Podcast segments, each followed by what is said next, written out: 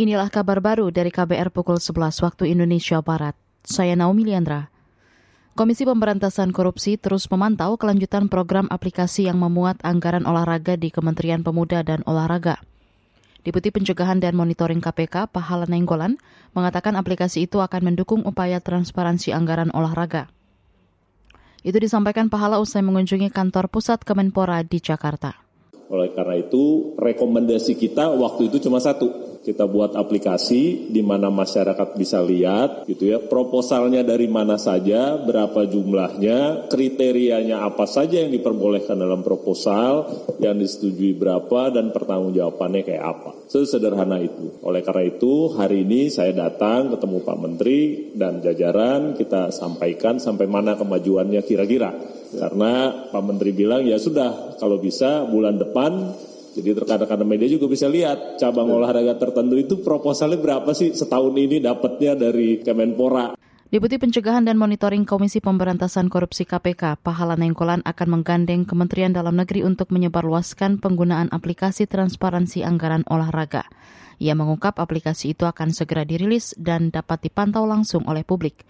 Selain itu, Pahala meminta jajaran Kemenpora menjelaskan laporan harta kekayaan penyelenggara negara LHKPN apabila terdapat keganjilan.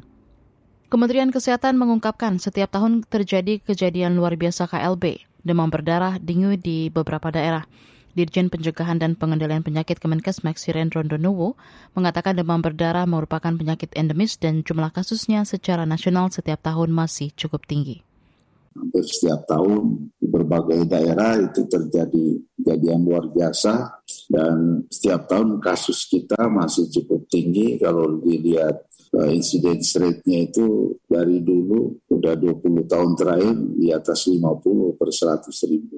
Tahun kemarin 52, maksudnya dari target ya kita berani menetapkan 10 per 100 dalam 100 ribu, eh, tetapi kita paling sekitar 40-50 per 100 ribu. Ya.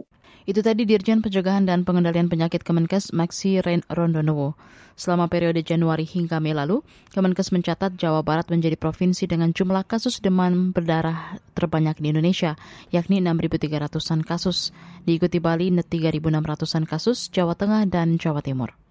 Saudara warga Nadilin, Kota Kediri, Jawa Timur, serta Kiai Kampung di kota ini mengadakan musyawarah warga mendorong Ketua Umum DPP PKB Muhaimin Iskandar maju dalam pemilu 2024.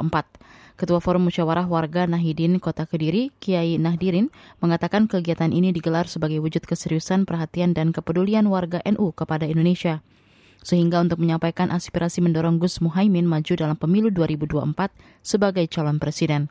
Bahrin, Sapan Akrab Kiai Nadirin menambahkan, kegiatan musyawarah warga ini juga bagian dari konsolidasi pada akar rumput, terutama kepada warga Nadilin dan kiai-kiai kampung di kota Kediri. Hal itu penting dilakukan untuk menyatukan suara warga Nadilin dalam menghadapi pemilu presiden pada 2024. Saya Naomi Liandra undur diri.